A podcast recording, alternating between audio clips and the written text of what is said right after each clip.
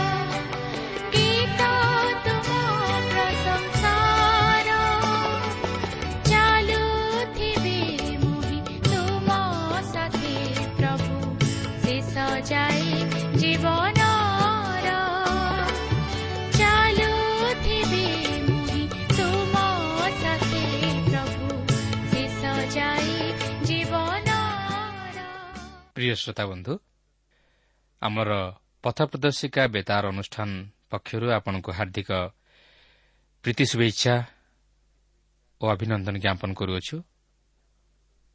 আপনার আপনার বহুমূল্য সময় দিয়ে আজ এই কার্যক্রম শুণবা নিমন্তে অপেক্ষা করে বসিবার জাঁ আমি মতো বিশেষ খুশি প্রভুঙ্ নামক ধন্যবাদ দেব প্রভু আজ আমি এই যে সুন্দর সুযোগ দিয়েছেন ଆସନ୍ତୁ ଏହି ସୁଯୋଗର ସଦ୍ବ୍ୟବହାର କରି ପ୍ରଭୁଙ୍କର ବାକ୍ୟ ମଧ୍ୟ ଦେଇ ତାହାଙ୍କର ସ୍ୱର ଶୁଣିବା ନିମନ୍ତେ ଚେଷ୍ଟା କରିବା।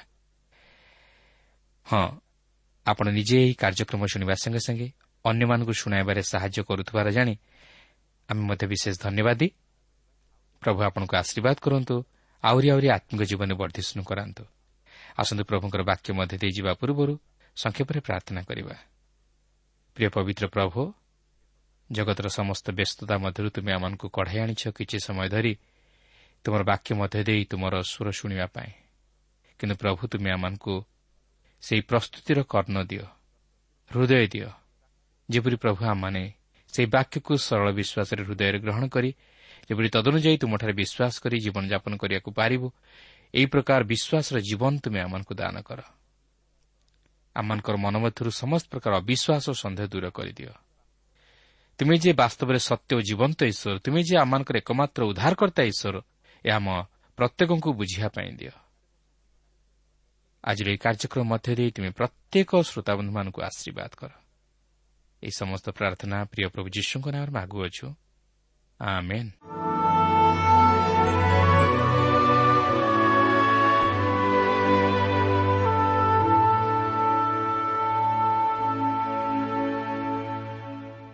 ଆସନ୍ତୁ ବର୍ତ୍ତମାନ ଆମେ ପ୍ରଭୁଙ୍କର ବାକ୍ୟ ମଧ୍ୟକୁ ଯିବା।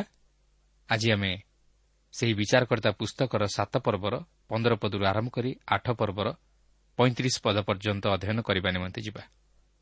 ତେବେ ଆପଣଙ୍କର ମନେଥିବ ଯେ ଗତ ଆଲୋଚନାରେ ଆମେ ଗିବିୟନଙ୍କ ତାଲିମ ବିଷୟ ନେଇ ଆଲୋଚନା କରିଥିଲୁ ଓ ଗିରିୟନଙ୍କୁ ପ୍ରଭୁ କିପରି ଗୋଟିଏ ପରେ ଗୋଟିଏ ଅନୁଭୂତି ମଧ୍ୟ ଦେଇ ବିଶ୍ୱାସରେ ଦୃଢ଼ କରାଇଥିଲେ ଓ ତାହାଙ୍କୁ ସାହସିକ କରାଇଥିଲେ ତାହା ଦେଖିଥିଲୁ। କିନ୍ତୁ ଆଜି ଆମେ ଦେଖିବାକୁ ଯିବା ଯେ ଗିଦିଓନ୍ କିପରି ଶକ୍ତି ଓ ବିଶ୍ୱାସର ସହିତ ମିଦିୟନୀୟମାନଙ୍କ ବିରୁଦ୍ଧରେ ଯାଇ ସେମାନଙ୍କ ସହ ଯୁଦ୍ଧ କରି ସେମାନଙ୍କ ଉପରେ ବିଜୟ ହାସଲ କରୁଅଛନ୍ତି।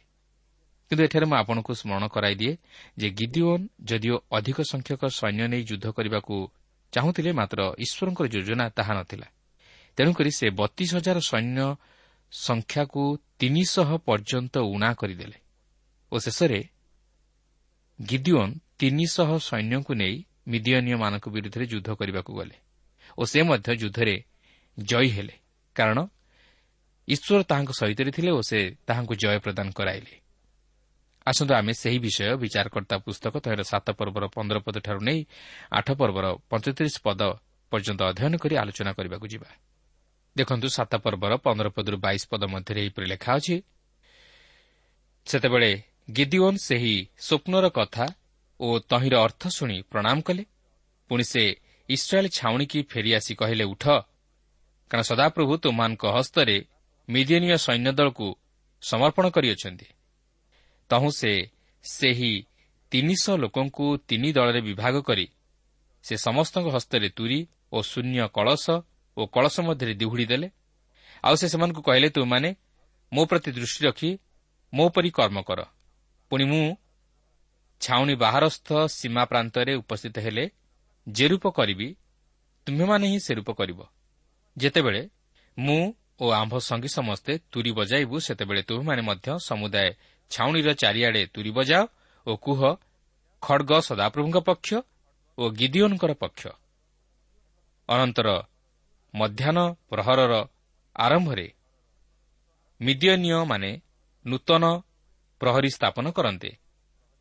ଗିଦିଓନ୍ ଓ ତାଙ୍କର ସଙ୍ଗୀ ଏକଶ ଲୋକ ଛାଉଣିର ବାହାରସ୍ଥ ସୀମା ପ୍ରାନ୍ତରେ ଉପସ୍ଥିତ ହେଲେ। ପୁଣି ସେମାନେ ତୁରି ବଜାଇ ସେମାନଙ୍କ ହସ୍ତରେ ଥିବା କଳସ କଚାଡ଼ି ଭାଙ୍ଗି ପକାଇଲେ। ଏରୂପ ତିନି ଦଳସ୍ଥ ଲୋକ ତୁରି ବଜାଇଲେ ଓ କଳସ ଭାଙ୍ଗିଲେ। ପୁଣି ବାମ ହସ୍ତରେ ଦିହୁଡ଼ି ଓ ଦକ୍ଷିଣ ହସ୍ତରେ ବଜାଇବା ତୁରି ଧରିଲେ ଓ ସେମାନେ ଡାକ ପକାଇ କହିଲେ ଖଡ଼ଗ ସଦାପ୍ରଭୁଙ୍କ ପକ୍ଷ ଓ ଗିଦିଓନଙ୍କର ପକ୍ଷ।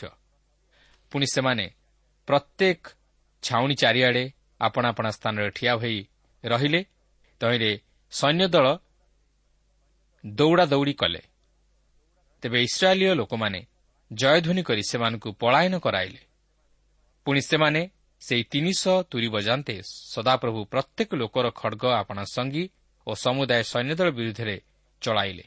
ତହିଁରେ ସୈନ୍ୟଦଳ ସରୋଦା ଆଡ଼େ ବୈତ ସିଟା ପର୍ଯ୍ୟନ୍ତ ଟବତ୍ ନିକଟସ୍ଥ ଆବେଲ ମହଲାର ସୀମା ପର୍ଯ୍ୟନ୍ତ ପଳାୟନ କଲେ। ଏହା ଗିଦିଓନଙ୍କର ସମର କୌଶଳତାର ପରିଚୟ ଦିଏ। ସେ ତାଙ୍କର ସୈନ୍ୟ ଶ୍ରେଣୀକୁ ତିନି ଭାଗରେ ବିଭକ୍ତ କରନ୍ତି ଏବଂ ସେମାନଙ୍କୁ ତିନୋଟି ବିଷୟ ପ୍ରଦାନ କରନ୍ତି। ତାହା ଥିଲା ଶୂନ୍ୟ କଳସ ଦିହୁଡ଼ି ଓ ତୁରି। ଯେପରି ସେହି ଦିହୁଡ଼ିଗୁଡ଼ିକ ଦେଖା ନଯିବ ଏଥିନିମନ୍ତେ ସେହିସବୁକୁ ଶୂନ୍ୟ କଳସ ମଧ୍ୟରେ ରଖିଲେ। ଗୋଟିଏ ହାତରେ ତୁରି ଧରିଲେ ଓ ଅନ୍ୟ ହସ୍ତରେ ସେହି ଦିହୁଡ଼ି ଧରିଲେ। ଯେତେବେଳେ ସେମାନେ ଯୁଦ୍ଧଭୂମିକୁ ଗଲେ ସେମାନେ ଏହିପରି ଡାକ ପକାଇ କହିଲେ ଖଡ଼ଗ ସଦାପ୍ରଭୁଙ୍କ ପକ୍ଷ ଓ ଗିଦିଓନର ପକ୍ଷ। କିନ୍ତୁ ଏକ କୌତୁହଳର ବିଷୟ ହେଉଛି ଯେ ଗିଦିଓନଙ୍କର କିମ୍ବା ତାହାଙ୍କର ତିନିଶହ ସୈନ୍ୟଙ୍କ ହସ୍ତରେ କୌଣସି ଖଡ଼ଗ ନଥିଲା। ଆପଣ ଦେଖନ୍ତୁ ସେମାନେ ମିଦିୟନୀୟମାନଙ୍କ ଅଧୀନରେ ଥିଲେ ଏବଂ ସେହି ମିଦିୟନୀୟମାନେ ସେମାନଙ୍କ ହସ୍ତରେ କୌଣସି ଅସ୍ତ୍ରଶସ୍ତ୍ର ଦେଉନଥିଲେ। ସେମାନେ ସେହିସବୁ ନିଜ ନିମନ୍ତେ ରଖୁଥିଲେ। ତେଣୁ ଗିଦିଓନ୍ ଏହି ସମସ୍ତ ଶୂନ୍ୟ କଳସ ଦିହୁଡ଼ି ଓ ତୁରି ଯୁଦ୍ଧ ନିମନ୍ତେ ବ୍ୟବହାର କରିଥିଲେ। ତେବେ ଏଥିପୂର୍ବରୁ ଆମେ ଦେଖିଥିଲୁ ଯେ ମିଦିୟନୀୟମାନେ ଓ ଅମାଲେକୀୟମାନେ ସେହି ମରୁଭୂମି ଅଞ୍ଚଳର ଯାଯାବର ଗୋଷ୍ଠୀର ଅନ୍ତର୍ଭୁକ୍ତ ଥିଲେ। ସେମାନେ ଇସ୍ରାଏଲ୍ର ଦେଶକୁ ଅଧିକାର କରି ସେମାନଙ୍କର ସମସ୍ତ ଶସ୍ୟାଦି ଓ ଦ୍ରବ୍ୟ ସବୁ ଅପହରଣ କରିନେଉଥିଲେ। ସେମାନେ ଅତି ବିଶୃଙ୍ଖଳିତ ଭାବେ ବସବାସ କରୁଥିଲେ ଓ ସେମାନଙ୍କର ସଂଗଠନ ଅତି ଦୁର୍ବଳ ଥିଲା। ସେମାନେ ବିଶୃଙ୍ଖଳିତ ଯାଯାବର ଭାବେ ମରୁଭୂମିରେ ବିଚରଣ କରୁଥିଲେ ଓ ସେମାନଙ୍କର ଶୃଙ୍ଖଳିତ ସୈନ୍ୟଶ୍ରେଣୀ ନଥିଲା। ସେମାନେ ଅଳ୍ପ କେତେକ ଜଗୁଆଳ ସେମାନଙ୍କ ଛାଉଣିର ଚତୁଃପାର୍ଶ୍ୱରେ ରଖିଥିଲେ ମାତ୍ର ଅଧିକାଂଶ ଲୋକେ ଏଠି ସେଠି ହୋଇ ବିଭିନ୍ନ ସ୍ଥାନରେ ଶୋଇଥିଲେ। କାରଣ ଗିଦିଓନଙ୍କର ସୈନ୍ୟଦଳ ଯେ ସେମାନଙ୍କୁ ରାତ୍ରିରେ ଆକ୍ରମଣ କରିବେ ତାହା ସେମାନେ ଭାବି ନଥିଲେ। ଆଉ କହିବାକୁ ଗଲେ ରାତ୍ରିରେ କିଛି ଦେଖିବା ସମ୍ଭବ ହୁଏ ନାହିଁ। ତେଣୁ ଗିଦିଓନ୍ ରାତ୍ରିରେ ସେହି ତିନିଶହ ସୈନ୍ୟମାନଙ୍କୁ ତିନି ଦଳ କରି ମିଦିଅନୀୟମାନଙ୍କ ଛାଉଣିର ଚତୁଃପାର୍ଶ୍ୱରେ ଜଗାଇଲେ। ଏକ ନିର୍ଦ୍ଦିଷ୍ଟ ସମୟରେ ସେମାନେ ସେମାନଙ୍କର ତୁରୀ ସବୁ ବଜାଇଲେ ଏବଂ ସେହି ଶୂନ୍ୟ କଳସ ସବୁ ଭାଙ୍ଗିଦେଲେ ଯେପରି ଆଲୋକ ଦେଖାଯିବ। ସେହି ତୁରୀ ଶବ୍ଦ ଏପରି ହେଲା ଯେପରି ଶହ ଶହ ସୈନ୍ୟମାନେ ଯୁଦ୍ଧ କରିବା ନିମନ୍ତେ ଏକାଠି ମାଡ଼ି ଆସୁଅଛନ୍ତି। ଅନୁମାନ କରନ୍ତୁ ସେ ମିଦିନୀୟମାନେ ଗାଢ଼ ନିଦରେ ଶୋଇଥିଲେ। ଓ ଯେତେବେଳେ ସେମାନେ ଏହିପରି ଶବ୍ଦ ଶୁଣିଥିବେ ସେତେବେଳେ ସେମାନଙ୍କର ଅବସ୍ଥା କିପରି ହୋଇଥିବ? ସେମାନେ ହଠାତ୍ କିଛି ବୁଝିପାରି ନଥିବେ ଓ ସେମାନେ ସେହିସବୁ ଦୁହୁଡ଼ି ଦେଖି ଆଉ କେହି କାହାକୁ ଭଲ ଭାବେ ଚିହ୍ନି ପାରିନଥିବେ ତେଣୁ ସେମାନେ ପ୍ରଥମେ ପ୍ରତ୍ୟେକ ଦିଗ ଆଡ଼କୁ ଲକ୍ଷ୍ୟ କରି ଆପଣମାନଙ୍କର ଖଡ଼ଗ ବୁଲାଇଲେ। କିନ୍ତୁ ଇସ୍ରାଏଲୀୟମାନଙ୍କର ଖଡ଼ଗ ନଥିଲା। କିନ୍ତୁ ସେମାନେ ଗୋଟିଏ କାମ କଲେ କେବଳ ସେହି ଦିହୁଡ଼ି ଜଳାଇ ରଖିଲେ। ତେଣୁ ମିଦିଅନୀୟମାନେ ସେମାନଙ୍କ ସଙ୍ଗୀ ଓ ସମୁଦାୟ ସୈନ୍ୟଦଳ ବିରୁଦ୍ଧରେ ଖଡ଼ଗ ଚଳାଇଲେ। ବାସ୍ତବରେ ଏହା ଏକ ନୀତିଦିନିଆ ଯୁଦ୍ଧ ଥିଲା। ଏହିପରି ଭାବେ ମିଦିନୀୟମାନେ ପରାସ୍ତ ହୋଇ ସେହି ସମସ୍ତ ଅଞ୍ଚଳ ଛାଡ଼ି ପଳାଇଗଲେ। ଏହି ଗିଦିଓନ୍ ଓ ଇସ୍ରାଏଲ୍ ସନ୍ତାନଗଣର ମିଦିନୀୟମାନଙ୍କ ଉପରେ ଏକ ଚମତ୍କାର ବିଜୟ ଥିଲା। ଏହି ଘଟଣା ମଧ୍ୟ ଦେଇ ଆମମାନଙ୍କୁ କେତେକ ଆତ୍ମିକ ଶିକ୍ଷା ମଧ୍ୟ ମିଳେ। ପ୍ରଥମେ ମୁଁ ମେସୋଲୋମ ଉପରେ କାକର ପଡ଼ିବା ଘଟଣା ଉପରେ ଆପଣଙ୍କର ଦୃଷ୍ଟି ଆକର୍ଷଣ କରିବା ପାଇଁ ଚାହେଁ। କାରଣ ଗିଦିଓନଙ୍କ ନିମନ୍ତେ ସେହି କାକର ଅତି ମୂଲ୍ୟବାନ ଥିଲା। ଯେହେତୁ ସେହି କାକର ଈଶ୍ୱରଙ୍କର ଅଭିମତ ଓ ତାହାଙ୍କର ବାକ୍ୟର ସତ୍ୟତାକୁ ବୁଝିବା ନିମନ୍ତେ ବିଶେଷ ସହାୟକ ହୋଇଥିଲା। ଆଜି ମଧ୍ୟ ଆମେ ନିଜର ଶୁଷ୍କ ତଥା ଫଳହୀନ ଆତ୍ମିକ ଜୀବନ ନିମନ୍ତେ ସେହି କାକର ପାଇବା ନିମନ୍ତେ ତାହାଙ୍କ ନିକଟରେ ନିବେଦନ କରିବାକୁ ହେବ। ଏହା ସେହି ଦୃଶ୍ୟ କାକର ନୁହେଁ ମାତ୍ର ଏକ ଅଦୃଶ୍ୟ କାକର ଯାହାକି ଆମର ଆତ୍ମିକ ଜୀବନକୁ ଆଦ୍ର କରିବା ସଙ୍ଗେ ସଙ୍ଗେ ଫଳବାନରେ ପରିଣତ କରାଇବ। ହୋସେ ଚଉଦ ପର୍ବର ପାଞ୍ଚ ପଦରେ ଈଶ୍ୱର ଏହିପରି ପ୍ରକାଶ କରନ୍ତି ଆମ୍ଭେ ଇସ୍ରାଏଲ୍ ପକ୍ଷରେ କାକର ତୁଲ୍ୟ ହେବା ସେ ଶୋଷଣ ପୁଷ୍ପ ତୁଲ୍ୟ ଫୁଟିବ ଓ ଲିବାନୁନ୍ର ତୁଲ୍ୟ ମୂଳ ବାନ୍ଧିବ। ଏପରିକି ଗୀତ ସଂହିତା ଶହେ ତେତିଶ ପର୍ବର ପ୍ରଥମ ତିନି ପଦରେ ମଧ୍ୟ ଈଶ୍ୱର ଏହିପରି ପ୍ରକାଶ କରନ୍ତି ଦେଖ ଭାଇମାନେ ମିଳନରେ ଏକତ୍ର ବାସ କରିବା କେମନ୍ତ ଉତ୍ତମ ଓ ମନୋହର। ତାହା ମସ୍ତକରେ ବହୁମୂଲ୍ୟ ତୈଳସ୍ୱରୂପ ଯାହା ଦାଢ଼ିରେ ଅର୍ଥାତ୍ ହାରଣଙ୍କର ଦାଢ଼ିରେ ବହି ତାହାଙ୍କ ବସ୍ତ୍ରାଞ୍ଚଳରେ ପଡ଼ିଲା। ତାହା ହର୍ମୋଣର ଶିଶିର ତୁଲ୍ୟ ଯାହା ସିଓନର ପର୍ବତଗଣ ଉପରେ ଝରିପଡ଼େ। କାରଣ ସଦାପ୍ରଭୁ ସେଠାରେ ଆଶୀର୍ବାଦ ହଁ ଅନନ୍ତ ଜୀବନ ଆଜ୍ଞା କଲେ। ଦେଖନ୍ତୁ ଈଶ୍ୱର ଏହି ପ୍ରକାରେ ଆଶୀର୍ବାଦ କଲେ। ଆମେ ମଧ୍ୟ ସେହି ଆଶୀର୍ବାଦ ପାଇବା ଉଚିତ। ଆମେ ସେହି କାକରର ଅପେକ୍ଷାରେ ରହିବା ଉଚିତ। ଆମେ ଈଶ୍ୱରଙ୍କର ସେହି କୋମଳ ହସ୍ତର ସ୍ପର୍ଶତାକୁ ଅନୁଭବ କରିବା ଉଚିତ। କାରଣ ତାହା ନ ହେଲେ ଆମମାନେ କେହି ଏହି ଜଗତରେ ଆତ୍ମିକ ଜୀବନରେ ଆଗ ବଢ଼ି ଯାଇପାରିବା ନାହିଁ। ତେଣୁ ଆମେ ଈଶ୍ୱରଙ୍କର ସେହି ଅନୁଗ୍ରହ ରୂପକ ଆକର ଓ ଆଶୀର୍ବାଦ ରୂପକ ବର୍ଷା ଆବଶ୍ୟକ କରୁ। କିନ୍ତୁ ଏଥିନିମନ୍ତେ ଆମ ପ୍ରତ୍ୟେକଙ୍କୁ ସେହି ଈଶ୍ୱରଙ୍କ ଉପରେ ନିର୍ଭର କରି ତାହାଙ୍କଠାରେ ବିଶ୍ୱାସରେ ସ୍ଥିର ରହିବାକୁ ହେବ ଓ ପବିତ୍ର ଜୀବନଯାପନ କରିବାକୁ ହେବ। କାରଣ ଈଶ୍ୱର ହେଉଛନ୍ତି ପବିତ୍ର ଓ ସେ ଚାହାନ୍ତି ଆମେ ଯେପରି ପବିତ୍ର ହେଉ। ସେଥିପାଇଁ ପ୍ରଥମ ପିତର ପ୍ରଥମ ପର୍ବର ଷୋହଳ ପଦରେ ଲେଖା ଅଛି ତୁମେମାନେ ପବିତ୍ର ହୁଅ ଯେହେତୁ ଆମ୍ଭେ ପବିତ୍ର। ବର୍ତ୍ତମାନ ଆମେ ସେହି ଶୂନ୍ୟ କଳସ ଉପରେ ଦୃଷ୍ଟି ଦେବା କାରଣ ତହିଁରୁ ମଧ୍ୟ ଆମମାନଙ୍କ ଜୀବନ ନିମନ୍ତେ ଆତ୍ମିକ ଶିକ୍ଷା ରହିଅଛି। କାରଣ ଏହି ଶୂନ୍ୟ କଳସ ବିଶ୍ୱାସୀମାନଙ୍କର ଶରୀରଗୁଡ଼ିକୁ ଉପସ୍ଥାପିତ କରେ। ଦ୍ୱିତୀୟ କରନ୍ଥ ଚାରିପର୍ବର ସାତ ପଦରେ ଏହିପରି ଲେଖା ଅଛି ମାତ୍ର ମହାଶକ୍ତି ଯେ ଈଶ୍ୱରଙ୍କର ପୁଣି ତାହା ଯେ ଆମମାନଙ୍କଠାରୁ ଉତ୍ପନ୍ନ ନୁହେଁ ଏହା ଯେପରି ପ୍ରକାଶ ପାଏ ଏଥିନିମନ୍ତେ ଆମ୍ଭେମାନେ ଏହି ଧନ ମୃତ୍ତିକା ପାତ୍ରରେ ପାଇଅଛୁ। ଏଠାରେ ପ୍ରେରିତ ପାଉଲ ବିଶ୍ୱାସୀମାନଙ୍କ ଶରୀର ବିଷୟ ନେଇ ପ୍ରକାଶ କରନ୍ତି। ସେହିପରି ରୋମିଓ ବାର ପର୍ବର ପ୍ରଥମ ପଦରେ ପ୍ରେରିତ ପାଉଲ ପ୍ରକାଶ କରି କହନ୍ତି ତୁମେମାନେ ଆପଣା ଆପଣା ଶରୀରକୁ ସଜୀବ ପବିତ୍ର ଓ ଈଶ୍ୱରଙ୍କ ସୁଗ୍ରାହ୍ୟ ବଳି ରୂପେ ଉତ୍ସର କର। ଅର୍ଥାତ୍ ସମ୍ପୂର୍ଣ୍ଣ ବ୍ୟକ୍ତିତ୍ୱକୁ ଈଶ୍ୱରଙ୍କ ନିକଟରେ ସମର୍ପଣ କର ତେଣୁକରି ଆମେ କୌଣସି ଉତ୍ତମ ବିଷୟ ନିମନ୍ତେ ମନୁଷ୍ୟକୁ ଗୌରବ ଦେବା ଉଚିତ ନୁହେଁ କି ମନୁଷ୍ୟଠାରୁ ଗୌରବ ଅନ୍ୱେଷଣ କରିବା ଉଚିତ ନୁହେଁ କାରଣ ଯେକୌଣସି ଉତ୍ତମ ବିଷୟ ଈଶ୍ୱରଙ୍କ ଦାନ ଓ ଆଶୀର୍ବାଦରୁ ମନୁଷ୍ୟ ଲାଭ କରିଥାଏ ତେଣୁକରି ଆମମାନେ ସେହି ମୃତ୍ତିକା ପାତ୍ର ସଦୃଶ ବା ସେହି ଶୂନ୍ୟ କଳସ ସଦୃଶ ଆମ ପ୍ରତ୍ୟେକଙ୍କ ମଧ୍ୟରେ ସେହି ଜୀବନ ଓ ଆଲୋକ ଛପି ରହିଅଛି କିନ୍ତୁ ଯେପର୍ଯ୍ୟନ୍ତ ଆମେ ନିଜକୁ ଭାଙ୍ଗି ନାହୁଁ ସେ ପର୍ଯ୍ୟନ୍ତ ସେହି ଆଲୋକ ପ୍ରକାଶିତ ହେବ ନାହିଁ। ସେହି ଆଲୋକ ଆମମାନଙ୍କର ନୁହେଁ ମାତ୍ର ପ୍ରଭୁ ଯୀଶୁଖ୍ରୀଷ୍ଟଙ୍କର ଆଲୋକ। ତାହାଙ୍କର ଆଲୋକ ଆମମାନଙ୍କର ଜୀବନ ଦ୍ୱାରା ପ୍ରକାଶିତ ହେବା ଆବଶ୍ୟକ। ଏହା କେବଳ ଏକ ଭଗ୍ନଚୂର୍ଣ୍ଣ ଜୀବନରୁ ପ୍ରକାଶିତ ହୋଇପାରିବ। ଆମେ ଏହି ଜଗତରେ ଏକ ଏକ ଆଲୋକ ସ୍ୱରୂପେ ପ୍ରକାଶିତ ହେବାକୁ ହେବ। ସେଥିପାଇଁ ପ୍ରେରିତ ପାଉଲ ଫିଲିପିଓ ଦୁଇ ପର୍ବର ପନ୍ଦର ପଦରେ ପ୍ରକାଶ କରନ୍ତି। ସେମାନଙ୍କ ମଧ୍ୟରେ ତୁମମାନେ ଜୀବନର ବାକ୍ୟ ଧରି ଜଗତରେ ଜ୍ୟୋତି ସ୍ୱରୂପ ପ୍ରକାଶ ପାଉଅଛ। ପ୍ରିୟ ବନ୍ଧୁ ଆମମାନଙ୍କ ଜୀବନରେ ଖ୍ରୀଷ୍ଟଙ୍କର ଜ୍ୟୋତି ପ୍ରକାଶିତ ହେବା ଉଚିତ ତାହେଲେ ଆମମାନେ ଯେ ତାହାଙ୍କର ସନ୍ତାନ ଏହାଦ୍ୱାରା ପ୍ରମାଣିତ ହେବ। ଏହାପରେ ସେହି ତୁରି ବିଷୟ ନେଇ କିଛି ଆଲୋଚନା କରିବା। ଏହି ତୁରିରୁ ମଧ୍ୟ ଆମକୁ ଏକ ଆତ୍ମିକ ଶିକ୍ଷା ମିଳେ। କାରଣ ଏହି ତୁରି ବିଶ୍ୱାସୀମାନଙ୍କର ସାକ୍ଷ୍ୟକୁ ଓ ସାକ୍ଷୀ ହେବା ବିଷୟକୁ ପ୍ରକାଶ କରେ। ସେଥିପାଇଁ ପ୍ରଥମ କରନ୍ଥୀୟ ଚଉଦ ପର୍ବର ଆଠ ପଦରେ ଲେଖା ଅଛି ପୁଣି ତୁରି ଯଦି ଅସ୍ପଷ୍ଟ ଧ୍ୱନି କରେ ତେବେ କିଏ ଯୁଦ୍ଧ ନିମନ୍ତେ ସଜ୍ଜିତ ହେବ? ସେହିପରି ତୁମେମାନେ ମଧ୍ୟ ଯଦି ଜିହ୍ବା ଦ୍ୱାରା ସହଜ ବୋଧଗମ୍ୟ କଥା ନ କୁହ ତେବେ କ'ଣ କହୁଅଛ? ତାହା କିପରି ଜଣାଯିବ? କାରଣ ତୁମେମାନେ ଶୂନ୍ୟକୁ କହିବା ପରି ହେବ। ତେଣୁ ପ୍ରିୟ ବନ୍ଧୁ ଜଣେ ଖ୍ରୀଷ୍ଟ ବିଶ୍ୱାସୀର ସାକ୍ଷମର ଜୀବନ ଓ ତାହାର ସାକ୍ଷ୍ୟ ସତ୍ୟ ଓ ପରିଷ୍କାର ହେବା ଆବଶ୍ୟକ। ଆଜି ଯଦି ଆମେ ଆତ୍ମିକ ଯୁଦ୍ଧରେ ଜୟୀ ହେବା ପାଇଁ ଚାହୁଁ ଓ ଅନ୍ୟକୁ ଶୈତାନର କବଳରୁ ଉଦ୍ଧାର କରିବା ପାଇଁ ଚାହୁଁ ତାହେଲେ ଖ୍ରୀଷ୍ଟଙ୍କର ଆଲୋକ ଆମମାନଙ୍କ ଜୀବନ ଦ୍ୱାରା ପ୍ରକାଶିତ ହେବା ଆବଶ୍ୟକ ଓ ଆମମାନଙ୍କର ସାକ୍ଷ୍ୟ ସତ୍ୟ ତଥା ପରିଷ୍କାର ହେବା ଆବଶ୍ୟକ ଓ ସେଥିସହିତ ଅନ୍ୟମାନଙ୍କ ନିକଟରେ ଆମମାନଙ୍କର ସାକ୍ଷମର ଜୀବନ ରହିବା ଆବଶ୍ୟକ ଓ ଏକ ପବିତ୍ର ଜୀବନଯାପନ କରିବା ନିତାନ୍ତ ଆବଶ୍ୟକ। ତେବେ ଗିଦିଓନ୍ ଏହିପରି ଭାବେ ମିଦିୟନୀୟମାନଙ୍କ ଉପରେ ଜୟଲାଭ କଲେ। ତେଇଶରୁ ପଚିଶ ପଦ ମଧ୍ୟରେ ଆମେ ଦେଖୁ ଯେ ସେମାନେ ଓରେବ୍ ଓ ସେବ୍ ନାମକ ମିଦିୟନର ଦୁଇ ଅଧିପତିଙ୍କୁ ଧରି ଓରେବ୍କୁ ଓରେବ୍ ଶୈଳ ନିକଟରେ ଓ ସେବକୁ ସେବ ଦ୍ରାକ୍ଷାଯନ୍ତ୍ର ନିକଟରେ ବଦ୍ଧ କରି ସେମାନଙ୍କର ମସ୍ତକ ଗିଦିଓନ୍ଙ୍କ ନିକଟକୁ ଆଣିଲେ। ଏହି ରୂପେ ସେମାନେ ମିଦିୟନୀୟମାନଙ୍କ ଉପରେ ଜୟୀ ହେଲେ। ତେବେ ଏହିଠାରେ ଆମେ ସାତ ପର୍ବଟିକୁ ଅଧ୍ୟୟନ କରି ସମାପ୍ତ କଲୁ। ମାତ୍ର ଏହାପରେ ଆମେ ଆଠ ପର୍ବଟିକୁ ଅଧ୍ୟୟନ କରିବା ପାଇଁ ଯିବା। ଏହି ଆଠ ପର୍ବରେ ଆମେ ଦେଖିବାକୁ ଯିବା ଯେ ଗିଦିଓନ୍ଙ୍କ ଶାସନ କାଳରେ ଇସ୍ରାଏଲ୍ ସନ୍ତାନଗଣ ଚାଳିଶ ବର୍ଷ ପର୍ଯ୍ୟନ୍ତ ଶାନ୍ତିରେ ବାସ କଲେ। ମାତ୍ର ଗିଦିଓନ୍ଙ୍କ ମୃତ୍ୟୁ ପରେ ପୁନର୍ବାର ଇସ୍ରାଏଲ୍ ସନ୍ତାନଗଣ ଈଶ୍ୱରଙ୍କଠାରୁ ବିମୁଖ ହୋଇ ପାପରେ ପତିତ ହେଲେ। ତେବେ ଆମେ ଏହି ଆଠ ପର୍ବର ସମସ୍ତ ପଦଗୁଡ଼ିକୁ ଅଧ୍ୟୟନ କରିବା ପାଇଁ ଯିବା ନାହିଁ ମାତ୍ର କେତେକ ମୁଖ୍ୟ ଅଂଶ ଉପରେ ଟିକେ ଦୃଷ୍ଟି ଦେବା। ଏହି ଆଠ ପର୍ବରେ ମଧ୍ୟ ଆମେ ଗିଦିଓନ୍ ବିଚାରକର୍ତ୍ତାଙ୍କ ବିବରଣୀର ଅବଶିଷ୍ଟାଂଶ ଦେଖିବାକୁ ପାରିବା। ଈଶ୍ୱର ଗିଦିଓନ୍କୁ ମିଦିଓନିୟମାନଙ୍କ ଉପରେ ଜୟ ପ୍ରଦାନ କରାଇବା ପରେ ଯେଉଁ ସମସ୍ତ ଘଟଣା ଘଟିଲା ସେହି ସମସ୍ତ ଘଟଣାର ଏକ ବିବରଣୀ ଏହି ପର୍ବରେ ଆପଣ ଲକ୍ଷ୍ୟ କରିବାକୁ ପାରିବେ।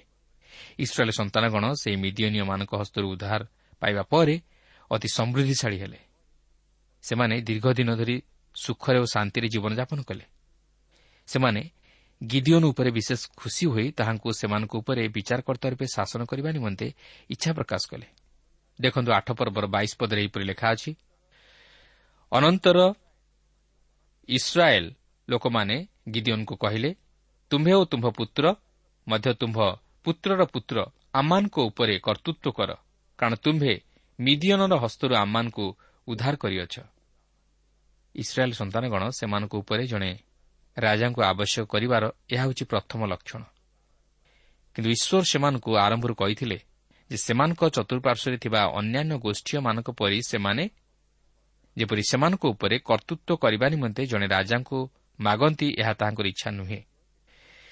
କିନ୍ତୁ ଯେହେତୁ ଗିଦିଓନ୍ ସେମାନଙ୍କୁ ମିଦିଓନିୟମାନଙ୍କ ହସ୍ତରୁ ଉଦ୍ଧାର କଲେ ଏଥିନିମନ୍ତେ ସେମାନେ ଗିଦିଓନ୍କୁ ରାଜାର ଆସନ ଦେବାକୁ ଚାହିଁଲେ।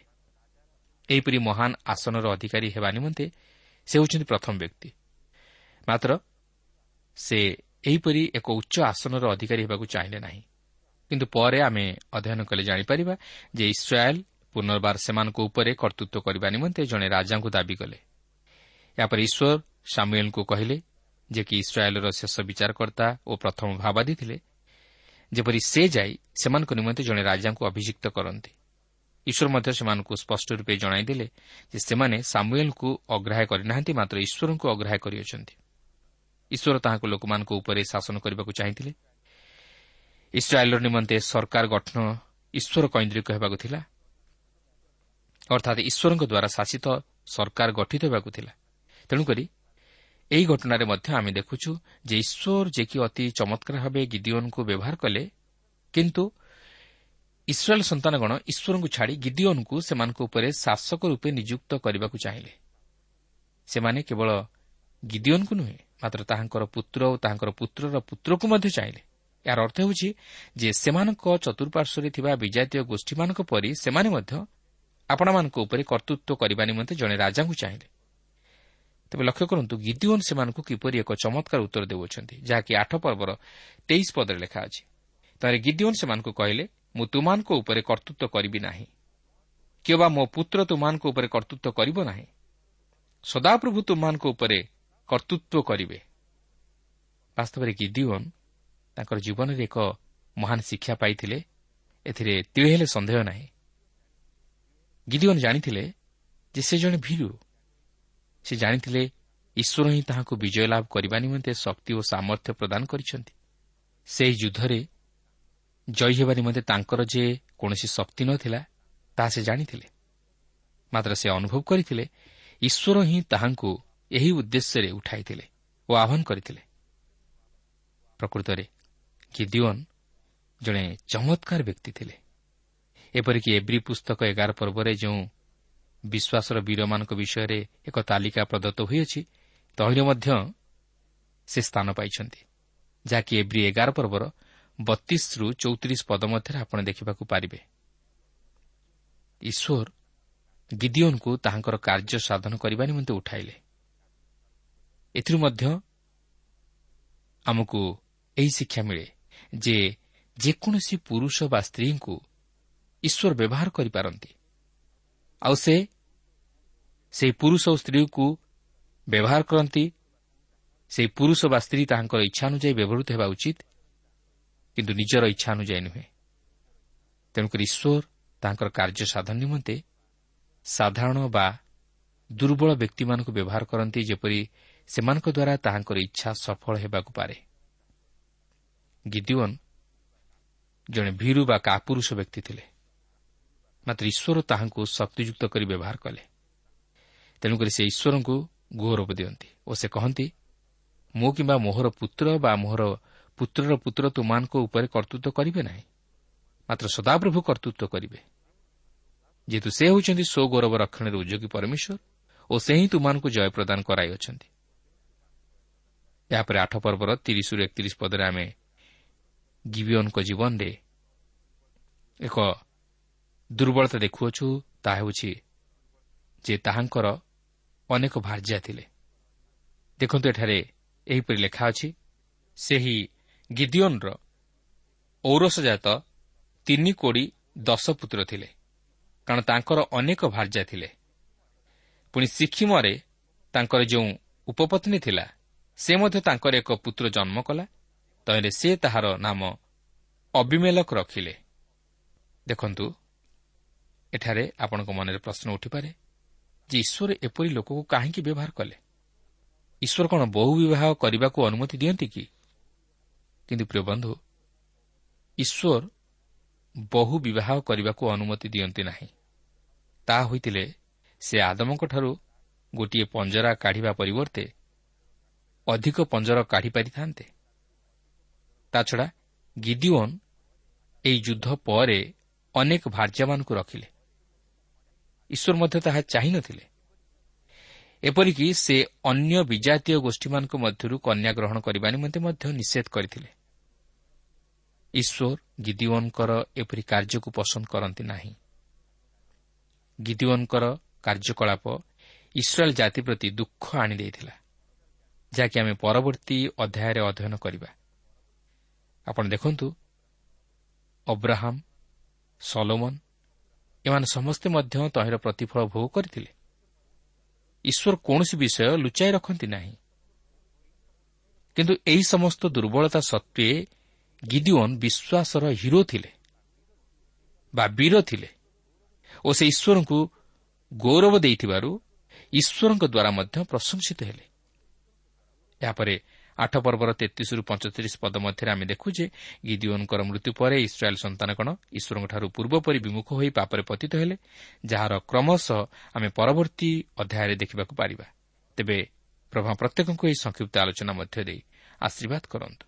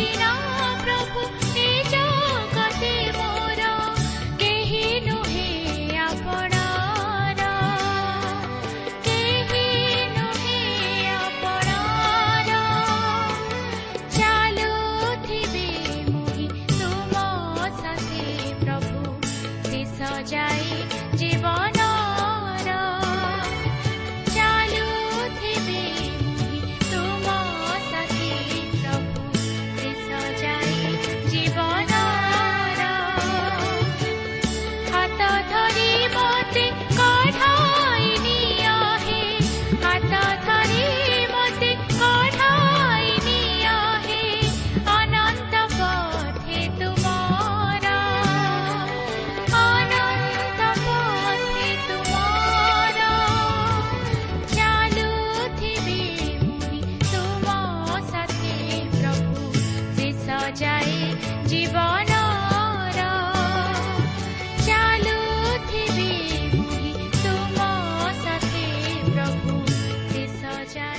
প্রিয় শ্রোতা আমার কার্যক্রম নিয়মিত শুণু অশেষ ধন্যবাদ আপনার এই কার্যক্রম শুণবা দ্বারা আত্মিক জীবনের উপকৃত হয়ে পে বলে আমার বিশ্বাস প্রভু শিশু বিষয়ে অধিক জাণবার আগ্রহ লে অথবা উপাদেয় পুস্তকর আবশ্যক লে আমসহ যোগাযোগ করন্তু আমার ঠিকনা পথ প্রদর্শিকা trans world radio India post box number তিন তিন ভুবনেশ্বর সাত পাঁচ এক শূন্য শূন্য এক mobile number nine seven double seven double two one four one five ঠিকଣାটি ଆଉଥରେ ଶୁଣନ୍ତୁ ପଥ ପ୍ରଦର୍ଶିକା trans world radio India post box number three three Bhubaneswar seven five one zero zero one mobile number nine seven double seven double two one four one five ଆମର email ଆଡ୍ରେସଟି ଲେଖି ରଖନ୍ତୁ Odia TV at radio eight eight two dot com ତେବେ ଆଜି ପାଇଁ ବିଦାୟ ଦିଅନ୍ତୁ। ନମସ୍କାର।